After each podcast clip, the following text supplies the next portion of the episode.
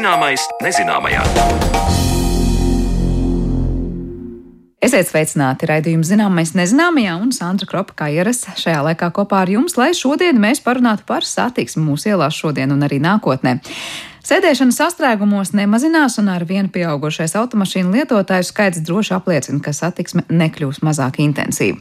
Tam klāt nākuši arī dažādi elektroriteņi, kuri te manām uz ceļa te uz ietves, taču tehnoloģiju eksperti prognozē, ka drošību un satiksmes plūsmu nodrošinās mākslīgais intelekts. Kādi būs gudrie luksafori, kas jau iepriekš paredzēs potenciālu sastrēgumu un kāda loma satiksmes regulēšanā būs pašiem autobraucējiem, par to te šodien runāsim raidījumā. Pirms tam gan Mariona Baltkalna iepazīst iepazīstinās ar inovācijām, kuras šogad izceļ zinātnieku nakts pasākumos. Nu jau 17. gadu septembra pēdējā piekdienā vienlaikus visā Eiropā gaidāma zinātnieku nakts - pasākums, kas popularizē zinātni un zinātnes sasniegumus. Plašākai sabiedrībai tiks atvērtas augstskolas un zinātniskie institūti, lai ik viens interesants varētu tikties ar pētniekiem, doties ekskursijās, vērot priekšnesumus, piedalīties eksperimentos un diskusijās.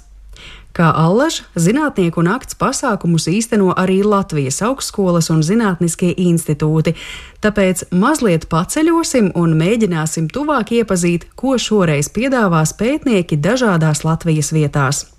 Un vispirms Rīgā piestāsim Latvijas valsts koksnes ķīmijas institūtā, kas apmeklētājus spēļu un uzdevumu veidā sola iepazīstināt ar koksni, koksnes produktiem un biomasu. Interesanti varēs arī iemācīties noteikt koku sugas un izskaidrot koka gadskārtas, bet īpaši jāatzīmē iespēja aplūkot jauno pilotiekārtu angāru. Tas pabeigts 2020. gadā, institūtā atklāts šī gada augustā, un no ar to varēs iepazīties arī apmeklētāji. Plašāk par šī angāra nozīmi stāsta institūta pētniece Laima Vēvere pilotu iekārtu angārs ir tā vieta, kur mēs to, ko darām laboratorijās, mazās kolbiņās, pārnesam jau uz iekārtām, kas ir tuvākas ražošanai.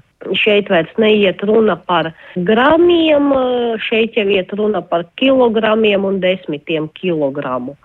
Jo viena lieta ir kaut ko uztaisīt laboratorijā mazā, mazā kolbiņā, un tajā momentā, kad tev ir jāpārnes uz ražošanu, tu saproti, ka tas laikam tā īsti neies krastā. Un tad šeit ir mums šī iespēja pārbaudīt, kā jau mūsu procesi strādā uz lielākām iekārtām. Un varbūt varat arī nosaukt kādu piemēru, kādu produktu varētu šādā angārā tapināt. Laikam tipiskākais tāds un vienkāršāk saprotamākais, piemēram, ir saplākšņu vai kokskaidu plāksnes. Lielā prese plātnes mala bija pusotras reizes pusotras metrs, nu jau tā tad šāda te tipa plāksnes ir iespējams saprasēt. Un tad vēl gribēju pajautāt, vai jūs varat arī uzbūrt to vizuālo izskatu šādam angāram. Es pat, kad lasu vārdu angārs, man uzreiz tas liekas kā kaut kas milzīgs cehs, kas stāv blakus jūsu institūtam. Kā tas dzīvē izskatās? Tie, kas nāks, protams, redzēs. Milzīgs cehs tas nav, bet tā ir atsevišķa ēka institūta pagalmā. Nu, teiksim tā, nu tādas kārtīgas aktu zāles izmērā pa angāru izvietotas šīs te vairākas lielās iekārtas ar lielo ekstrakcijas cehu, kas ir pat ar kāpnītēm angāra vidū. Nu, tad kaut kas pavisam jauns, karsts, svaigs, jā, jā, uz jā. ko aicināt apmeklētājs. Jā, tāpēc mēs varbūt mazāk rādām pārējo institūtu, protams. Apmeklētājiem mīļākās lietas tāpat varēs redzēt. Papīra mašīna būs, iespēja redzēt, kā to poliuretāna putas e, būs. Tās ir tās lietas, kas apmeklētājs vienmēr uzrunā, tās ir saglabājušās, bet tā tad varbūt pašu institūtu šoreiz mēs rādām mazāk, šoreiz ir tiešām uzsvars vairāk uz to jauno pilotiekārtu angāru. Bet tālāk dosimies uz Jēlgavu un noskaidrosim, ko zinātnieku naktī piedāvās Latvijas Biozinātņu un tehnoloģiju universitāte. Līdz šī gada 1. septembrim tā bija pazīstama kā Latvijas lauksaimniecības universitāte, bet šobrīd nes jaunu vārdu. Zinātnieku naktī piedalīsies visas astoņas universitātes fakultātes un divi zinātniskie institūti. Liela daļa pasākumu izvietosies Jelgavas pilī, mājvietā vairākām fakultātēm, taču tā nebūs vienīgā norises vieta un nelielu ieskatu, kur vēl ārpus pils plānoti pasākumi, sniedz Zinātnes un projektu attīstības centra projektu vadītājs Edgars Pažerauskis. Tāpat arī vidas un būvzinātņu fakultātē būs iespējams klausīties zinātnieku sasniegumus par viedajām tehnoloģijām, būvniecību un uh, gaisa kuģiem, kā arī par uh, upju ūdeņiem un to ietekmi un kāpēc ir nepieciešams šie ūdeņi tīri un ko tas dod mums kā ūdens patērētājiem un arī pārlielupe. Tur būs veterināra medicīnas fakultāte, pārtikas tehnoloģijas fakultāte, viedo tehnoloģiju nodaļa, kā arī mūsu augu aizsardzības eh, zinātniskais institūts Agrihorts. Mūsu viedo tehnoloģiju nodaļā tur abi zinātnieki rādīs uh, iekārtas, ar kurām var paskatīties ļoti smalkas paraugu detaļas līdz pat uh, ātrumiem un uh, vēl smalkāk. Un um, par tiem ziliem brīnumiem, tas jūsu programmā izceļas, kur tās radošās aktivitātes ir paredzētas un kam tās tiek piedāvātas primāri maziem bērniem vai varbūt arī pieaugušajiem. Jā, zili brīnumi būs mūsu neliels šovs, ko mums demonstrēs Aldis Kalniņš, un uh, viņš uzstāsies pie mums pilī. Protams, ka informācijā norādīts, ka uh, tas ir bērniem paredzēts šovs, bet es zinu, ka uh, arī mani kolēģi un draugi ir ieinteresēti paskatīties, kā notiek uh, balonu sasaldēšana un saldējumu gatavošana no šķidrā slāpekļa. Tā kā uh, es domāju, ka tas būs paredzēts visiem vecumiem. Kā norādīts, tad viedās tehnoloģijas varēs iepazīt atšķirīgās universitātes fakultātēs un institūtos, un tas būs iespējams arī Jelgavas pilī. Šeit interesanti plašāk varēs izprast, ko nozīmē viedās pilsētas. Daudzi universitātes un tās sadarbības partneru viedie risinājumi Jelgavā jau tiek iedzīvināti. Kādi tie ir, to skaidro Informācijas tehnoloģiju fakultātes dekāns Gatis Vītols pārvietoties ar auto Jālgavā, tad ir vairākos krustojumos auto tiek svērti. Ir uh, liberskeneris, ir uzstādīts, kas mēra auto gabarītus, piemēram, vietās, kur nedrīkst smagi auto iebraukt, tiek fiksēti šie te. Piemēram, arī kameras, kas gan fiksē auto pārvietošanās ātrumu, var nofiksēt, gan arī fiksē numuru zīmi. Uh, Tas pats ir, piemēram, kur auto ir apstājies un ilgāku laiku stāv un kur, piemēram, ir ierobežams divas stundas. Tāda tiek fiksēta ar kameru palīdzību. Zinātnes naktī mēs plānojam pastāstīt par um, šiem risinājumiem tīri tehniski, ko mēs esam radījuši, kā tas izskatās ar piemēriem, un parunāt ar zinātniekiem arī par problēmām, kas tur rodās. Gan putni tiek fiksēti, gan slikti laika apstākļi, sniegs, dažādi citi ietekmējušie faktori, kas ir tāds izaicinājums visā tajā viedumā. Un varbūt varat pieminēt arī, kas ir šobrīd tas aktuālais, ko darat šajā jomā. Jā, patreiz ir um, viens tāds interesants pētījums par mobilitātes budžetiem. Tas mums ir sadarbībā ar austriešu partneriem un angļu no Londonas uh, un vairākiem citiem. Mēs uh, mēģinām kalkulēt, kā būtu, ja cilvēkam tiktu piešķirts uh, mobilitātes budžets. Nu, piemēram, cik daudz CO2 tu drīkst patērēt. Un kā izskatītos pilsētas plānošana un attīstība, ja mēs um, ievies šādus budžetus un pateiktu, piemēram, ka tu drīksti savu kvotu ietvaros, teiksim, veikt trīs braucienus dienā ar auto vai desmit braucienus ar autobusu un tā tālāk. Cilvēks var rasties mulsums, bet arī par šo te uh, tematu var jautāt mūsu pētniekiem. Viņi tieši darbojas arī tajā virzienā, un tur iet runa gan par ētiskiem apsvērumiem, gan taisnīgumu, uh, gan arī to, kā tas viss izskatītos nākotnē. Līdztekus sarunām ar pētniekiem vakara gaitā paredzēti arī demonstrējumi ar virtuālo realitāti, jaukto realitāti un būs arī iespējams skatīt 3D skeneri. Bet nemazāk svarīga par tehnoloģijām pilsētā ir arī lauksaimniecība, urbānā lauksaimniecība. Tie varētu šķist kā divi pretnostatāmi vārdi, bet patiesībā tā nav, jo vēlme un vajadzība pēc zaļumiem un dzīvās dabas pilsētvidē aizvien palielinās. Plašāk par urbāno lauksaimniecību un kā ar to varēs iepazīties zinātnieku naktī stāsta ekonomikas un sabiedrības attīstības fakultātes dekāne Andra Zvirbule.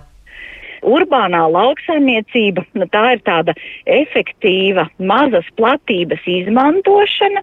Svarīgākais aspekts nebūtu tur gūt peļņu, bet drīzāk vairāk tāds sociāli ekonomisks uh, fenomens - radīt labsajūtu cilvēkiem, prieku par uh, iesaisti zaļajā domāšanā, nu, kopienu veidošanu un daudz kas cits. Mēs noteikti saprotam, ka pilsētas arī drusciņi attīstās savādāk, ja? ja mēs nesaprotam pilsētu tikai ar tādu lielu namu blāķi bez nekādas zaļas teritorijas. Un um, savukārt ienesot šo bioloģisko daudzveidību, manuprāt, ka nu, Latvijā vissekmīgāk šobrīd ir uh, attīstījusies tieši urbānā biškopība. Un um, nevienam nav noslēpums, ka uz daudziem Rīgas namu jumtiem mājo bites. Un, kā teikt, Rīgas jumtu medus ir viens no labākajiem atzīts jau vairākus gadus. Noteikti zinat mikrozaļumus, ko arī var izaudzēt, ja kaut vai norobežojot speciālu telpu dzīvoklī. Arī tā ir, ir kā teikt, uzņēmēja darbība un var attīstīties sekmīgi, nu, kā, kā papildus uh, ienākumu veids uh, ģimenei. Un vēl viens būtisks aspekts, kas tai urbānā lauksaimniecībā, nu, ir dikti moderni, no tādas labjūtības temata ienāk uh, dārzkopības terapija. To, ko jau mūsu sēņķi zināja, ka rakņāšanās pa dārzu palīdz stabilizēt nervu sistēmu. nu, tad man jājautā, kā jūs ar urbāno lauksaimniecību piekdien iepazīstināsiet apmeklētājus? Jā, nu mēs iepazīstināsim principā arī veidojot sarunu Tad mums tā būs eh, izstrādāta tāda jautājumu bloks, lai cilvēki paši, nu caur jautājumiem saprot, vai viņi zina, ko var izaudzēt pilsētā, vai viņi nezin, vai viņi saprot, ko var izdarīt ar ierobežotiem eh, resursiem, nu un veicināsim tā paskatīties uz sevi, vai viņi būtu tādi urbāni lauksaimnieki, vai, vai arī viņiem šis temats ir pilnīgi svešs un vairāk uz tādu izglītošanu, iepazīstināšanu tas ir vērsts. Nu, tad lieliski pasākuma apmeklētājs eh, var vispirms saprast, eh, cik viņam vai viņai ir zaļi pirkstiņi, un ja Jā. ir, tad paliek pie jums, un ja saprot, ka īsti ne, tad dodas uz nākamo telpu, kur Jā. ir tāds īsts urbānistu stāsts par viedajām pilsētām. Jā. Ja? Jā, tad ja viņš saprot, ka viņam nav šie zaļie pirkstiņi, tad viņš dodās vairāk ar IT lietām un saprot, ka viņš urbānais lauksaimnieks nebūs, bet viņš vairāk attīstīs tās lietas, kas nāks urbānai lietai paralēli, protams. No Jelgavas pārcelsimies uz Cēsīm. Tur Rīgas Tehniskās Universitātes Cēsu studiju zinātnes centrs sadarbībā ar Cēsu kosmosa izziņas centru ļaus nokļūt nevien kosmosā, bet arī nākotnē. Un šajā reizē, savienojot idejas par kosmosu un lāzeri, organizatoriem izdevies radīt aizraujošu piedāvājumu. Ar to iepazīstina Rīgas Tehniskās Universitātes Cēsu studiju zinātnes centra direktors Armāns Sīlītis. Tā kopējā doma tam pasākumam, kad uh, skolēns vai ģimene kopā, kas nāk apmeklēt pasākumu, ejot tādā nākotnes universitātes studenta lomā kur attiecīgi jāizpild dažādi uzdevumi, kas pielīdzināti vairāk kā mācību priekšmetiem, kas varbūt nākotnē.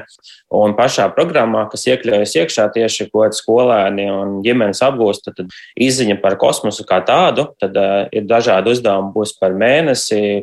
Nu, tā teikt, kurā vietā pareizi veidot nometni uz mēnesi, un tāpat ir dažādi uzdevumi ar pārvietošanos pa mēnesi virsmu, un tāpat būs uzdevumi arī ar lāzeriem saistīti. Un tāpat pagalmā paralēli notiks aizsardzība militārajā nozarē, kur mēs sadarbojamies kopā ar Nacionālajiem bruņotajiem spēkiem un tieši ar CESU zemesardzes 27. kājnieku bataljonu, kuri mūsu sadarbībā mums iedos aprīkojumu, lai mēs varētu izveidot tādu šķēršļu trasi, kur norisināsies lasertaga apmācība. Tātad cīņa, tā teikt, šaušanā apmācībā ar lāzeru ieročiem. Tā teikt, pietuvinās 2040. gadam, kā tas varētu nu, būt nākotnē. Tad, principā, šis 2040. gads ir mūsu vīzija, nu, kādā pasaulē mēs varētu dzīvot, kad ikdiena mums būtu tāda, ka studenti mācās par to, kā aizceļot uz kosmosu, kā tur viss darbojās, un attiecīgi arī notiek apmācība, aizsardzībā, jo, nu, kā šobrīd arī mēs redzam, aizsardzība ir prioritāte, un arī par to ir jādomā nākotnē, arī ja mēs ceļojam uz mēnesi, piemēram. Par uh, universitāti es vēl gribēju painteresēties. Vārds tomēr skan tā nopietni, akadēmiski. Vai jūs tik cik daudz varat atklāt, varat iezīmēt, kā tas uh, izpaudīsies? Atnāk jaunietis, un viņam kā īstā augstskolā tagad ir jānoklausās lekcija, kaut kas jāizmēģina praktiski, un tad jāsēžas pie testa galda, jākārto eksāmens un jāapliecina savas prasmes, jo galu beigās viņš saņem to certifikātu. Jā, tas, kā viņš nokārto šos priekšmetus, kur ir šie uzdevumi, būs šīs bāzes stacijas un, attiecīgi, tad, tad jāizpild uzdevums. Nu, pie katra šī uzdevuma ir personāls pretīm, tā teikt, mācību spēki, kuri tad iedod uzdevumu un, attiecīgi, šis skolāns viņu veids, un, ja viņš sekmīgi ir pabeidzis, viņš saņem tādu, kā, nu, viņam ir sava kartīte, līdzīgi kā studentam varbūt sava sekmju lapa, tad viņš tur saņem savu vērtējumu iekšā, ka viņš ir nokārtojis. Nu, Mūsu ideja ir ieskaitīts, neieskaitīts, un attiecīgi viņš nokārto.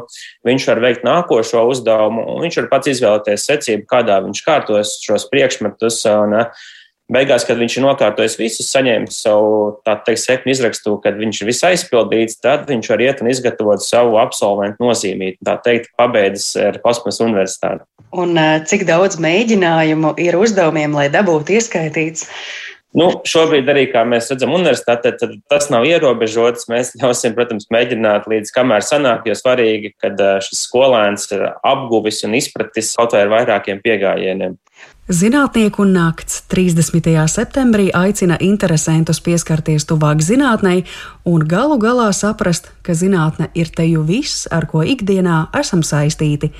Apmeklētāji tiek gaidīti augstskolās un institūtos arī Liepājā, Valmierā, Daugopilī, Dobelē, Ventspilī, Priekuļos un Stendē. Plašāka informācija mājaslapā www.zinātnieku nakts 2022.lv.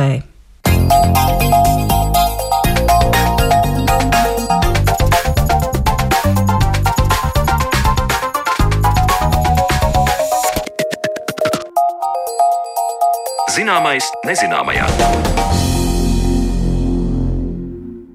Satiksme uz mūsu planētas ir kā milzīga organisma asinsrite. Tā ir tik intensīva un komplicēta, ka dažkārt šķiet pārsteidzoši, kā tā vispār spēj funkcionēt.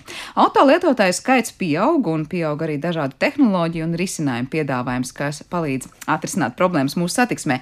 Kā tehnoloģijas palīdzēs mazināt sastrēgumus, izvairīties no avārijām un uzraudzīt noteikumu ievērošanu uz ceļa nākotnē, par to te šodien runāšu ar mūsu studijas viesiem.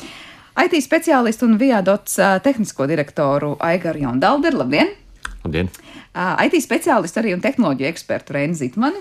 Labdien! Labdien. Un Latvijas valsts ceļu satiksmes informācijas centra vadītāju Boris Jeļsēju. Labdien! Labdien! Es sākšu patiesībā ar Latvijas valsts ceļiem, varbūt jautājumu, jo pēdējā laikā mēs bieži sakām, salīdzinot, nu, mūsu ceļu tīkls ir pietiekoši, nezinu, veidots vecākos un senākos laikos pie esošā auto daudzuma un intensitātes satiksmes, nu, īsti vairs nav piemērots. Vai mēs varam runāt par jaunu tehnoloģiju ieviešanu, dažādu risinājumu ieviešanu esošajā ceļu tīklā, vai mēs teiksim, nu, tas, kāda tā intensitāte satiksmes ir šobrīd, ir jādomā, kā vispār pašu infrastruktūru mainīsim.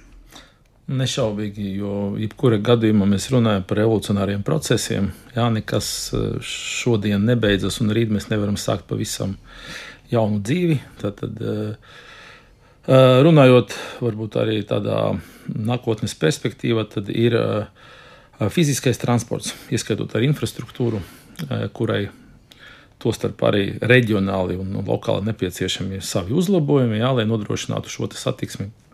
Bet nešaubīgi arī laika zīme tāda, jā, kā mm, aug dažādu servisu skaits, kas ir balstīts jau uz viedām tehnoloģijām, nu, principā, kur pamata ir uh, datos balstītie risinājumi. Un to varbūt ko, kopīgi jātaka sabiedrības ietvaros mēs saucam par digitālu transformāciju. Tā, tas ir tāds visaptverošs process, kas skar tostarp arī transporta sektoru. Ja mēs runājam par šo digitālo transformāciju, ko tas īsti ietver, ka jautāšu abiem tehnoloģiju ekspertiem un IT eh, ekspertiem, vai mēs runājam par to, ka tagad talkā nāks bieži piesauktie lielie dati, un mēs visur redzēsim viedākas ceļzīmes un viedākus luksusforus un vēl visu pārējo, vai mēs te runājam par otru atkal to, nezinu, skalas galu, kur viss būs ar pašbraucošu auto un pašbraucošu satiksmi. Reini sākšu no, no, no šī gala.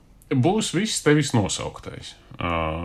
Es ceru, ka pašvaldība pirmkārt panāks laiku un atbilstoši standartam nodrošinās ceļa apzīmējumus, lai jau tie automobīļi, kas atpazīst jau šodien strīpiņas, joslas un ceļzīmes, varētu orientēties labāk. Ja?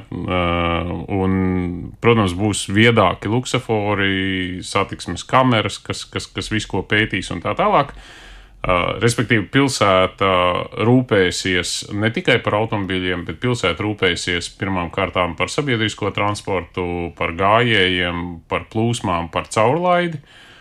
Tā otra komponente, kas ir uh, auto pašbraucoši vai nepašbraucoši, tie arī attīstās uh, un nu, nodrošinās augstākas, teiksim, aktīvās kaut kādas drošības prasības, izvairīsies no avārijām labāk un, un tam līdzīgi.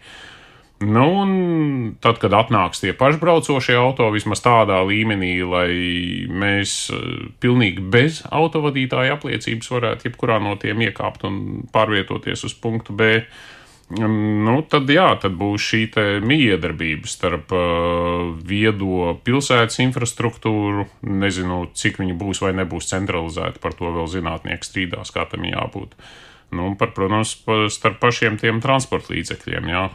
Nu, pēc tam būs nākotnes ceturtā fāze, ja, kas ir šī prediktīvā transporta plānošana. Ja. Būs? Nu, kad, kad mēs jau zināsim, kur kuram iedzīvotājiem cikos ir jābūt un piemērosim jau zinot, kur un kad viņš gribēs saņemt transporta līdzekļu, šīs plūsmas. Par šo pēdējo, tad kā tas īsti izpaudīsies, kaut kas līdzīgs, kā es nezinu, mēs jutīsim, kad laikā no tikiem līdz tikiem konkrētā tur pilsētas rajonā veidojas sastrēgumi, tur vairāk ir kaut kāda iespējas, kā tiek. Jā, mazināt? gan pilsētas līmenī, gan manā līmenī. Man jau šobrīd mans vietā runas, kas man ir kabatā, viņš zina, cikos man kur ir jābūt, un tas ir tikai laika jautājums, lai viņš manā vietā izsaukt man transportu. Aigram, te ir jautājums par tiem risinājumiem. Nu, cik ļoti tas, ko Reinis tikko teica, ir tāds tāls ceļš ejams, un es nezinu, vīzija, par kuru runāt, vai kā tas jau ir konkrēti risinājumu jautājums un tuvākās nākotnes jautājums. Jā, daļa no tā pilnīgi noteikti ir jau šodiena. Šī prediktīvā a, transporta plūsmu plānošana ir iespējama jau patreizējā a, infrastruktūrā, a, vismaz spriežot pēc mūsu pieredzes arī ārpus Latvijas. A, Papildinot, varbūt Reini, skaidrs, ka kopējā transporta ekosistēmā noteikti piedalīsies arī tādi transporta veidi kā dzelzceļš un, un arī avio satiksme. Un, un tagad ir ļoti populārs jautājums par droniem un, un vēl visādām lietām. Tā gan ir drusku nākotne. Bet um, īstenībā mums, IT speciālistiem, ir, ir ļoti raksturīgs ķerties uzreiz pie, pie, pie risinājumiem, pie datiem, pie skrūvgriežņa un skrūvēt. Un, un man arī tas patīk. Uh, bet atkal uh, pieredze rāda, ka um, priekš sevis esmu noformulējis, ka tai secībai īstenībā būtu jābūt drusciņā savādākai. Būtu jāsāk ar mērķiem, ko mēs gribam optimizēt un uzlabot. Un tas liekas tikai liekas vienkārši. Jo mērķis saīsināt ceļojuma laiku Reinim var neatbilst ar kopējā um, satiksmē pavadītā laika minimizācijas mērķi pilsētai kopumā vai kādam uh, cilvēku kopumam. Uh, mērķi, un, un tie var būt ne tikai laiks, emisijas un dažādi citi mērķi, ko pilsēta, valsts, sabiedrība grib uzlabot. Un tas ir jānodefinē, un tas ir jāspēj mērīt, kā ir šobrīd, un kā būs tālāk nākotnē, kad mēs kaut ko ar skrūvītām skrūvējoties mainīsim. Otrais, par ko visbiežāk aizmirst, un, un es ļoti reti redzu diskusiju, ir motivācija, cilvēku motivācija. Kāpēc Reinim piecelties piecas minūtes ātrāk no rīta un izbraukt ātrāk, un vēl 350 tādi paši, ja to izdarīs, tad sastrēgums neradīsies. Vai kāpēc Reinim braukt pa apveceļu garāku ceļu, viņam pavadot laiku vairāk ceļā, nekā tiem, kas, kas brauks pa taisno. Kāda ir rēņa motivācija? Un šeit ir vairāk arī Eiropas Savienības līmeņa projekti, kas šobrīd strādā pie tā, kā radīt cilvēkiem motivāciju sadarboties ar šo optimizāciju. Un trešais ir dati. Un mēs reizēm sākam no otras puses šo un par to vidējo aizmirstam. Jo no tiem pirmajiem diviem izriet arī, kādus datus mēs gribāsim, gribēsim vākt un varēsim vākt. Jā, datiem ir jābūt pieejamiem Šobrīd par pašbraucošām mašīnām varbūt ir pāragri runāt.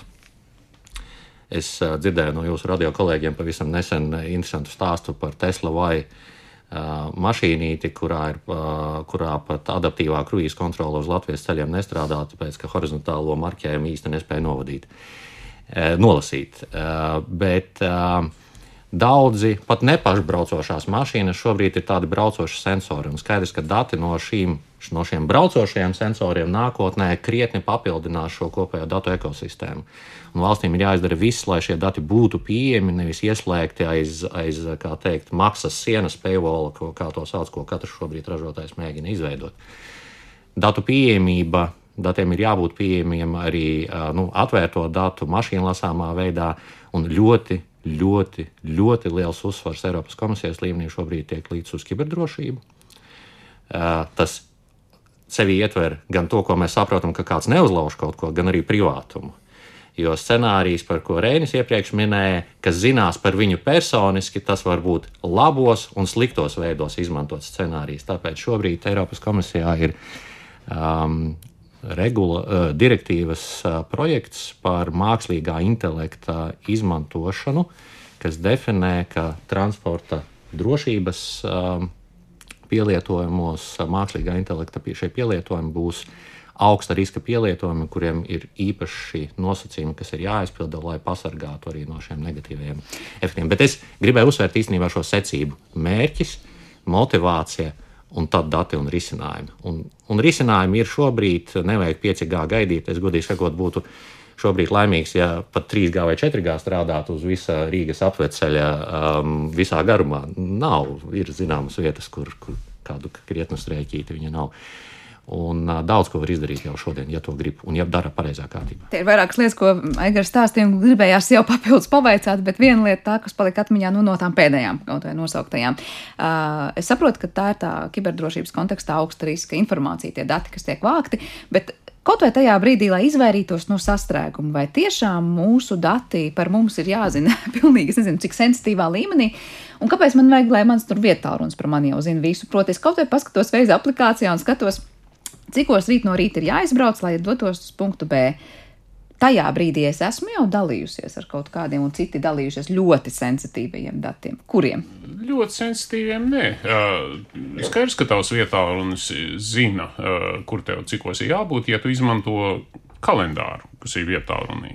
Un, ja mēs raugāmies uz tavu vietā runu šobrīd kā tavu digitālo es, kā tavu asistentu, uh, Uh, tad viņi zina par tevi ļoti daudz. Jā. Šeit Aigars pieminēja šīs slēgtās ekosistēmas, kurš vēl zina. Jā. Tātad, ja tev ir kaut kāda konkrēta ražotāja taurunis, tad nu, ir skaidrs, ka ražotājs un ražotāja mākonis arī ļoti daudz par tevi zina. Ir vēl visādas sistēmas, kas uh, zina par tevi daudz. Bet, uh, ja cik... es neielieku kalendārā, bet vienkārši pati paskatos vakarā, cikos man ir jāizbrauc, es arī nododu. Uh, ja tu to dari regulāri, jā. Ja tu, piemēram, katru piekdienu vai katru otro piekdienu, piemēram, brauc kaut kur ciemos vai, vai, vai nezinu, jā, apciemot radiniekus uz kapiņiem vai kaut ko tādu, tad mēs ar diezgan lielu varbūtību varam teikt, ka uh, nākamo piekdienu vakarā tev būs vajadzīgs transports. Uh, cita lieta, uh, ko, ko zina vai nezina, teiksim, pilsētā. Tātad, ja pat ja tu savām vietām neko nesaki, bet, piemēram, tev nav sava transporta līdzekļa un tu izmanto uh, koplietošanas transporta līdzekli, tu izmanto taksometru pakalpojumus vai kaut kādu aplikāciju, vai nākotnē vispār tu izmantos pašbraucošu auto, tad mēs jau ar ļoti lielu pārliecību varam pateikt, ka šai infrastruktūrai, aplikācijai, taksometru parkam un tā tālāk, protams, arī ir informācija par to, kur tu vispār brauc. Mums uz ceļiem ir ārkārtīgi daudz kameras, kas uh, nolasa automašīnu numurus uh, gan caurulēža režīmu dēļ, gan visādi citu iemeslu dēļ. Uh, ir neskaitāmas datu krātuves, kas mēs pat šobrīd īsti nezinām, labprātīgi, ļaunprātīgi izmanto, māk, nemāk izmantot, dalās tur, kur vajag, vai tur, kur nevajag ar šo informāciju, kur tu, tu īsti atrodies un kur tava automašīna atrodas. Uh, šeit Aigars ļoti pareizi pieminēja, ir uh, ļoti būtisks šis drošības aspekts un regulējums, bet uh, mums, kā iedzīvotājiem vidējiem ir skaidrs, ka tā teikšana zināmā mērā ir nosacīta. Jā, tā tad būs likumdošanas cilvēki, kas izdomās, kā tam vajadzētu būt, būs ļoti jācer pašvaldības un valsts vīri, kas aizstāvēs pilsoņu intereses, jā, arī datu drošības jautājumos, ja viņi būs spējīgi un kompetenti to izdarīt. Tas ir cits jautājums. Uh, un tad ir, protams, ražotāji un šo tehnoloģiju piegādātāji, kas, protams, to māk, kas ir ieinteresēti, lai viss notiek ātrāk nekā likumdošana tiek pakaļ un lai viss notiek pēc viņa prāta. Ja? Nu, tu kā cilvēks, kas vienkārši izmanto šo infrastruktūru, tehnoloģijas, vienalga vai caur savu tālruni, kaut kādu aplikāciju, vai vienkārši pārvietojoties ar savu auto ar kaut kādām kamerām, strīpiņām, skaneriem, sensoriem un tā tālāk, kas visu tevi jūt un uzskaita. Nu, tavas izvēles iespējas parasti ir ļoti minimālas. Kā ir šobrīd uz Latvijas valsts ceļiem, tas, cik daudz mēs tiekam, es nezinu, vai īstais vārds teikt, novēroti, saskaitīti, nosvērti vai kā citādi jau reāli darbojas?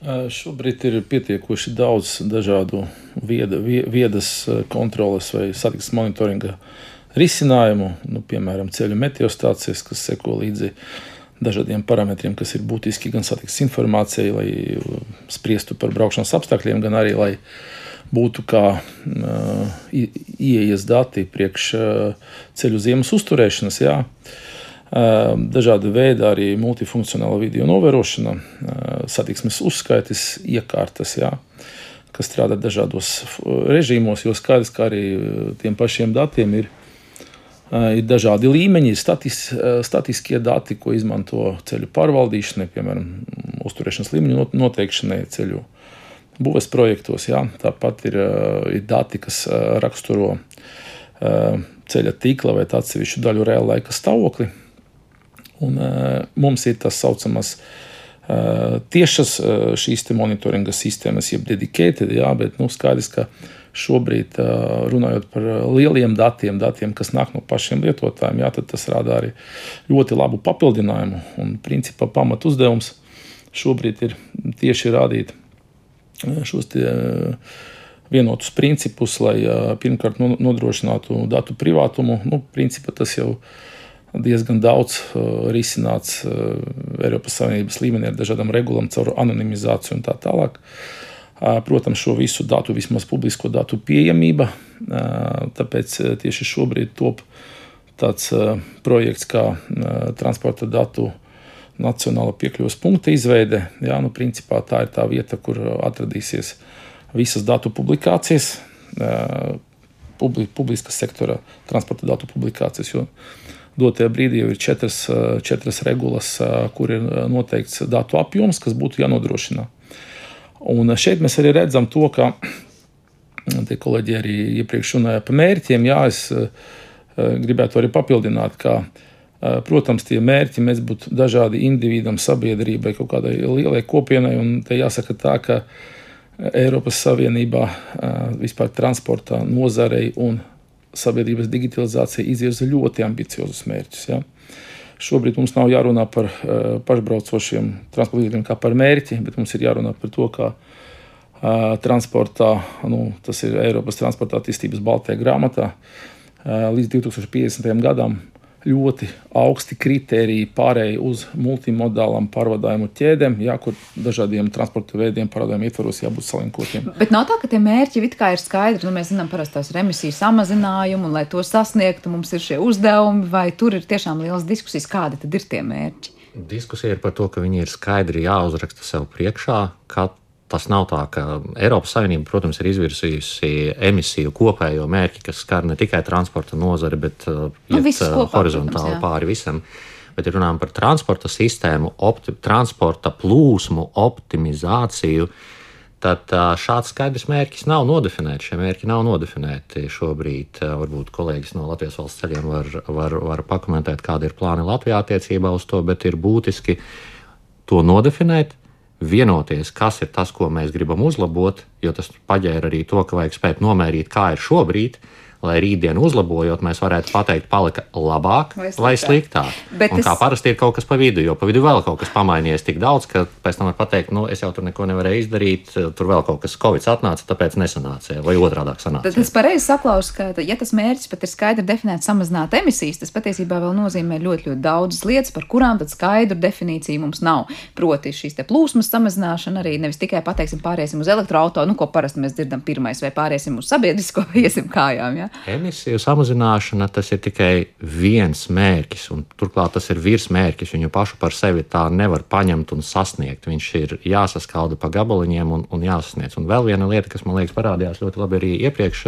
runātajā, ir tāpat kā Tāpat kā jebkurā ikdienā, nezinu, iepērkoties veikalos, kur cenas mums pielāgo individuāli šobrīd, tad īstenībā arī šī transporta optimizācija gala mērķis tiek sasniegts tad, kad jā, aizsargājot privātumu un citas lietas, bet šo plūsmu var optimizēt mikro-targetēt tieši uz Aigaru, uz Reini, uz Borisu. Ko tas īstenībā nozīmē? Tas nozīmē to, ka uh, nav tāda, uh, ka tiek ņemti vērā mani apstākļi. Uh, nu, ja mēs ņemam par piemēru, tad uh, es uh, no rīta diskusijā jau minēju, manā gadījumā emisiju samazināšanas mērķis manā gadījumā ar manu nobraukumu nozīmē, ka man jāturpina braukt ar iekšzemes dzinēju mašīnu.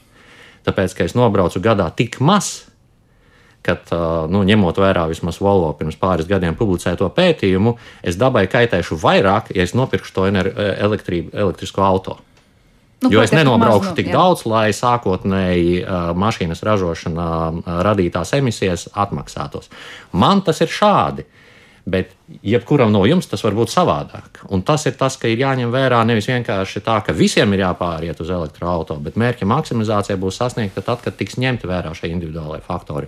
Uz kurienes es braucu, cikos es braucu, uh, kāpēc es braucu. Un īstenībā, kad es braucu, tas ir viens, bet kad ātrā palīdzība brauc, tas ir pavisam kas cits no transporta plūsmas caurlaidspējas un, un arī luksusforu signālu plāna optimizācijas viedokļa maiņas, pareizāk sakot. Tāpēc tā individuālo faktoru ņemšana vērā ir, ir svarīga. Un te ir svarīgi dati, dati, kas pieejami reālā laikā, nevis kāds pašvaldības darbinieks web formā ievadīs reizi mēnesī kaut ko, ko viņš ir novērojis pirms iepriekšējā mēneša, bet reālā laikā. Un, uh, un, un, ja runājam, reiz, jūs arī minējat uh, luksusforus, ja, tad luksufors ir tāds interesants dzīvnieks. Viņš ir, uh, tad, kad tu piebrauc pie luksufora, viss jau ir noticis, un mainīt var ļoti maz ko. Tāpēc uh, tas, uz ko aizvien vairāk uh, viss virzās, ir, ka satiksme ir jāoptimizē nevis vienā konkrētā krustojumā ar vienu konkrēto luksuforu kopumu, bet viņa ir jāoptimizē visā, visos pārējos ceļu tīkla atzarojumos, lai nerastos tas sastrēgums pie šo līniju. Nu, proti, ilustratīvi, ja, ja mēs iedomājamies tagad Rīgas, Sigulda ceļa posmu, un tad visi, kas no rīta brauc uz Rīgu, mums būtu jāsaprot jau pie iebraukšanas Rīgā. Pirms kur... izbraukšanas. Pirms iebraukšanas Rīgā. Jā, pirms iebraukšanas Rīgā, tad, tad kā jādarbojas, es nezinu, brīvības ielas luksaforam kaut kur pie Alfas? Visam tam, tam jāpieiet ir kompleksi, jo mēs optimizēsim tikai luksuforu pie robežu ielas. Tajā brīdī mēs nu, kaut ko tur mēģināsim vadīt, bet sastrēgumi jau būs radušies. Cik šobrīd mēs iegūstam informāciju par to, kāda ir tā plūsma, piemēram, izbraucot no Siguldas Rīgas virzienā, un kurā brīdī būtu jāsāk organizēt tā luksuforu darbība kaut kur citādāk? Pieminēta ļoti laba vieta, jo tieši tur šobrīd tiek realizēts projekts Smart 2, kas paredz to, ka vesela posma uz Siguldas šosejas, jā, no Rīgas apveceļa līdz Senītei. Tātad būs mainīgie ātruma limiti ar elektroniskajiem ceļozīmēm, jā, kas principā atbilstoši faktiskiem satiksmes apstākļiem jā, ļaus nu, regulēt šo satiksmi maksimāli efektīvi. Uh, balstoties uz tiem sistēmas algoritmiem, kas ir tur paredzēti. Jā. Tieši šobrīd uh, notiek šīs sistēmas testēšana, un braucēji jau principā var redzēt šīs instalācijas, kas tur atrodas. Cits jautājums, kā joprojām publiskais sektors nevar uh, tādu lielu uzsvaru likt uz ieguldījumiem, tiešiem ieguldījumiem digitalizācijā, tāpēc ka ļoti daudz vēl uh, problēmu ar pašu infrastruktūru. Jā, ir ļoti daudz kas, projekti, kas ir jāpaveic. Tagad arī uh, aktuāla programma, kas tiešām rādīs maģistrālā valsts autoceļu tīkla attīstību. Tas ir automaģistrāļu programmā 2040. Jā, kur būtu pietiekoši daudz šo posmu jāizveido, jāuzlabo tieši fizisko, fizisko mobilitātes komponenti. Bet runājot par to, ko arī Aigars ir pieminējis, jā, tad šobrīd jau ir, ja mēs runājam par tādu individu līmeni, tāds princips MES, mobi, mobilitāte kā servis. Caur dažādiem fintech līdzekļiem un, un tā tālāk nodrošināt gala lietotājiem ļoti efektīvu pakalpojumu kompleksu, ja, kas skar varbūt gandrīz visas viņam mobilitātes vajadzības, ja, kur atkal šajā pakalpojumu sniegšanā atrodas vieta nu, visiem no šīs partnerības. Ja, tas, tas ir laikam tas veids, ja, kas, kas ilgtermiņā ved uz to, kā cilvēki iegūst ļoti augstas lietojamības servisus, ja, savukārt industrija var tiešām attīstīties un nodrošināt sabiedrībai arvien, arvien lielākas kaut kādas funkcionālas iespējas. Tas, ko tikko dzirdējām, tas vairāk izklausās pēc kaut kādas, nezinu, jaunas aplikācijas vai formāta, kurā, nu, tad nezinu, tas lietotājs vieglā formā sev, nezinu, atvērs ko un ieraudzīs, ka tur ir kas sadarbojas un kāda problēma atrisināt. Jā, nu, tas, tas, ko es dzirdēju, tas, jā, nu, ir virslīmeņa uzdevumi, sadarbība starp valstīm, sadarbība starp pašvaldībām, sadarbība starp privāto un publisko, nu, kā, kaut kādām lomām, jā, lai, lai lai nodrošinātu kaut kādu mērķu izpildi. Te jau vienmēr ir tas, tas, tas jautājums, kurš tieši nu, to karodziņu paņems rokā un skriež pa priekšu, un kurš tieši par ko ir atbildīgs un tā tālāk. Ja? Jo tas iepriekš minētais piemērs ar izbraukšanu no Siguldas un iebraukšanu robežu ielas krustojumā, nu paskatieties, kas tur viss tikai nav pa vidu. Ja? Kaut kas no tā viss pieder valstī, kaut kas pašvaldībai, par kaut ko ir atbildīgi tie, par kaut ko ir atbildīgi šitie. Līdz ar to tā, protams, ir sadarbspēja. Ja? Un, kā jau es teicu, nu, es domāju, ir ļoti daudz jau kaut kādas datu kopumi gan valsts, gan pašvaldības institūciju rokās, kur kaut kādi visvisādi dati ir. Tad jautājums, kā viņi tur sadarbojas savā starpā, lai to visu varētu pētīt. Luksafors ir varbūt vietas dzīvnieks, tā ir pilnīgi taisnība. Jā, viņš var strādāt kopā ar kaut kādām lielajām pilsētas smadzenēm, kas koordinē vairākus luksaforus, ka jums būs tagad strādāt šitā vai tā un tā tālāk, vai arī luksafors ar kaut kādu papildus kameriņu var vienkārši elementāri izpētīt, vai 40 metru attālumā viņam tuvojas automašīnas vai nē, un ja viņas tur vairs nav, tad pārslēgt zaļo gaismu varbūt aiz tā otrai ielai, jā, un negaidīt, kamēr tā minūte beigsies, lai tiem pārējiem nav jāgaida ļoti daudz eh, nu, kaut kādu šie hibrīdie risinājumi. Eh, tāpēc, ka, kā jau es minēju, zinātnieki vēl vien strīdās par to, cik tam jābūt centralizēti un cik tomēr tam jābūt lokāli spējīgam pieņemt kaut kādus lēmumus. Ja? Jo individu automašīna, ja tā nav kaut kāda pašbraucoša automašīna, kā, nu, kā sabiedriskais transports, kur tomēr ir kaut kāds dispečera punkts un tam līdzīgi, Viņam jāspēj pastāvīgi pieņemt lēmumus, jā, neskatoties uz visu šo 5G un, un, un, un šo ātrumu, kādā veidā tā automašīna var sazināties ar citām vai tā tālāk. Nu, tur ir tik daudz visādi mainīgie un atkarīgie, kad ja automobīls pats nespēs pieņemt zibenīgi šo lēmumu, tad avārija tāpat tās neglābjama notiks. Un tad, protams, resori ilgi strīdēsies, ja kurš tad tur bija vainīgs. Jā, man liekas, ka nesen ir bijis kāds piemērs, kad eh, Teslas, ja nemaldos, automašīna kaut kur. Tas, protams, eh, pasaules piemērs eh, apmulsa, ieraugot zirgu pajūgu uz ielas un nesaprot, kas īsti jā, ir jādara. Jā? Nu, mākslīgais intelekts ir jātrenē. Nu, ja, tu, ja tu mākslīgajam intelektam pirmo reizi mūžā parādi zirgu, nu, tad Čenes, viņam ir jāsaka, kā ātri tas ir kāds zirgu, vai ne? jā, jā, jā. Bet eh, kas, starp citu, ja mēs runājam, pieskārāmies šiem pašbraucošiem auto, eh, cik lielā mērā tie šobrīd ir mākslīgā intelektā labi apmācīti, ko darīt ar tiem nestandarta, es nezinu, lielgabarīta kaut kādiem satiksmes dalībniekiem. Nu, labi, zirgu pajūgs nebūs lielgabarīta gabarīti, bet tas jā. pavisam cita lieta. Uh, ir uh, ļoti konkrēti noteikumi un algoritmi, kādā veidā pašbraucošiem auto ir jārīkojas. Uh, ļoti daudz standarta situācijas tur ir iedzīts iekšā un viņas ir jāizpilda pēc grāmatas, un šī mākslīgā intelekta komponente. Un nestandarta situācijas, es ticu, ka tur ir tikai viena neliela daļa. Jo nevar būt tā, nu, Zini, kā tev kā cilvēkam, tavs autovadītājs stāžs uh, ir principā tas pats, kas mākslīgā intelekta, nu, kaut kāds nosacīts stāžs, cik ilgi viņš ir atradies uz ceļa un ar ko viņš saskāries un ko viņš māk vai nemāk uh, preventīvi paredzēt. Ja, mēs paredzam situācijas uz ceļa, Uh, ja tev ir lielāka autovadītāja pieredze, redzot tādu vai savādāku mašīnu vai zirgu kaut vai ceļmalā, vai redzot, ka kaut kāda automašīna tur kaut kur tālu priekšā, nes kāpēc uzsit pa bremžu guņiem, tev tas kaut ko saka priekšā. Cilvēkam, kas nu pat ir sēdies pie stūres, tas neko nesaka priekšā. Ar mākslīgo intelektu ir mazliet līdzīgi, ja viņš arī mācās, bet uh, joprojām nevar būt tā, ka mākslīgajam intelektam arī simtprocentīgi tiek uzticēti šie lēmumi. Ir standarta situācijas, ir standarta algoritmi, automašīna ir programmēta, kā viņai jābrauc uz ceļa. Ļoti daudz ir atkarīgs no infrastruktūras pakalpojumu sniedzēja. Šie paši pieminētie ceļu apzīmējumi atbilstoši standartam ir vai nav jā, kas palīdz vai nepalīdz, nu, tad tu vari izmest pusi no mākslīgā intelekta vējā, ja viņš vienkārši nevar orientēties vidē un telpā, jā, jo viņam nav ceļzīmes saspraustas jā, vai kaut kas tāds. Uh, bet uh, viņš dara savu darbu. Viņš dara savu darbu. Tā mācīšanās komponente ir tikai viena no tām. Uh, tādā, tādā gadījumā, protams, pašbraucošais automobilis ir pilnīgā, pilnībā atbildīgs, jā, respektīvi viņa ražotājs, infrastruktūras pakalpojums sniedzējs un tā tālāk kolektīvi ir kaut kādā mērā atbildīgi par to, vai notiek vai nenotiek satiksmes negadījums, un tā, jo šobrīd tā ir pilnībā pelēkā zona. Šobrīd, neskatoties uz to, ka tev ir tavā automobīlī piemēram, jau šobrīd tur Teslās un tā tālāk programma, kas tev ļauj braukt neturoties pie stūres, tu joprojām esi atbildīgs. Aigaram bija laikam pie, piebilde vai komentārs. Jā, uh, mēs nodarbojamies ar mākslīgo intelektu, tīklu trenēšanu un, un, un tieši transporta jomā. Un es parasti saku, ir, ir divas lietas, kas cilvēkus apmulsina visvairāk. Viens mākslīgais intelekts, un otrs - Teslas full self-driving capability, tas, ko viņi kādreiz sauca par autopilotu.